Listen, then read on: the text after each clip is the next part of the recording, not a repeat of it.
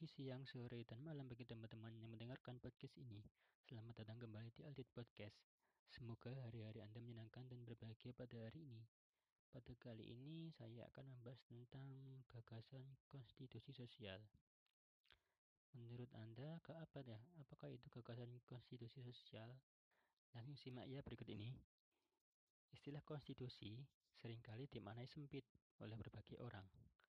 Saat membicarakan konstitusi, biasanya perspektif yang muncul tak bisa lepas dari Undang-Undang Dasar Negara Republik Indonesia atau yang bisa dikenal dengan UUD 1945. Padahal pemahaman sebenarnya kurang tepat. Menurut Jimli Asidik mengatakan pemahaman seperti itu berarti hanya sebatas memahami konstitusi sebagai konstitusi politik saja. Karena lewat gagasan barunya ini, Jimli berusaha memberikan perspektif yang lebih luas dalam makna istilah konstitusi tersebut. Ketua Dewan Kehormatan Penyelenggara Pemilu atau yang biasa disebut dengan DKPP itu menanamkan gagasan barunya dengan sebutan konstitusi sosial. Oleh Jimli, gagasan itu juga dituangkan dalam bentuk buku, dalam buku yang ke-45 yang ditulis oleh Jimli ini. Ia mencoba untuk memberikan perspektif yang lebih luas dalam memaknai konstitusi tersebut. Buku ini Jimli juga menggambarkan yang mengedepankan konstitusionalisme dan institusionalisme dalam mewujudkan kehidupan sosial dan masyarakat yang memadani. Paling tidak, ide dasar konstitusi sosial ini merujuk kepada dua isu besar, yaitu konstitusionalisasi dan institusionalisasi. Dari konstitusionalisasi, Jimli berharap agar pemaknaan makna konstitusi tidak sebatas diartikan sebagai konstitusi dalam UUD 1945 saja.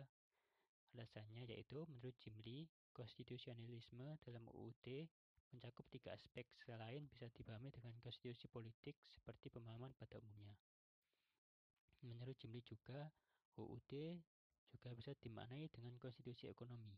Hal ini sebutnya bisa dilihat dari ketentuan dalam UUD 1945 dalam bab 14 tentang perekonomian nasional dan kesejahteraan sosial. Selain itu, aspek ketiga yang dalam UUD 1945 juga bisa dimaknai dengan konstitusi sosial. Itu yang kemudian membuat inspirasi saya untuk memperluas pengertian konstitusionalisme. Tajim Lee saat melakukan bedah buku miliknya di kampus Pasca Sarjana Universitas Muhammadiyah Jakarta di Tangerang Selatan Sabtu 3 Oktober. Sementara dari segi institusionalisasi, Jimli menuturkan kalau permasalahan yang dihadapi oleh lembaga-lembaga, baik lembaga politik, lembaga ekonomi, atau lembaga sosial salah satunya adalah karena lembaga-lembaga itu belum menerapkan aspek konstitusi dalam merancang anggaran dan anggaran rumah tangganya. Padahal menurut Jimli, lembaga-lembaga itu juga termasuk bagian dari konstitusi. Namun, selama ini banyak lembaga yang menganggap kalau anggaran rumah tangga itu sebagai dokumen biasa, Ide-ide konstitusi itu mencerminkan prinsip universal, kehidupan bersama. Jadi, semakin ideal tata cara hidup bersama harus disepakati dengan konstitusi. Anggaran dasar ormas itu konstitusi juga, tapi selama ini belum kita hubungkan dengan konstitusionalisme bernegara. Seakan-akan dia dokumen bahasa biasa saja. Katanya Jimli. Kata Jimli. Sebelum itu, ide awal mengenai konstitusi sosial ini sebenarnya sudah muncul sejak dulu, yaitu lebih tepatnya pada tahun 1990.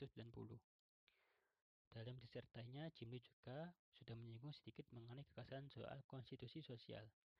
Disertai yang dia tulis ketika itu sebenarnya membicarakan mengenai perbedaan antara UUD 1945 dengan konstitusi di sejumlah negara lain yang mencontohkan konstitusi Amerika Serikat sebagai model.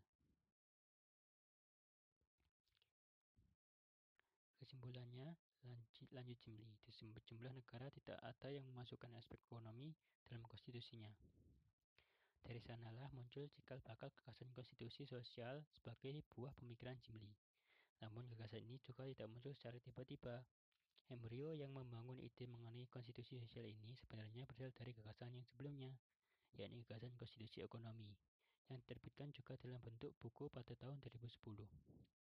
Baru kemudian sejak tahun 2013 lalu Jimli mulai meriset untuk mengembangkan ide dasar soal konstitusi sosial.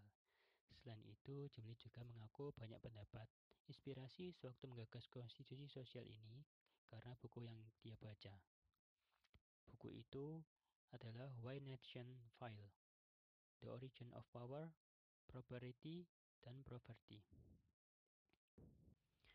Oke, mungkin seperti itu materi podcast yang saya dapat sampaikan pada podcast kali ini.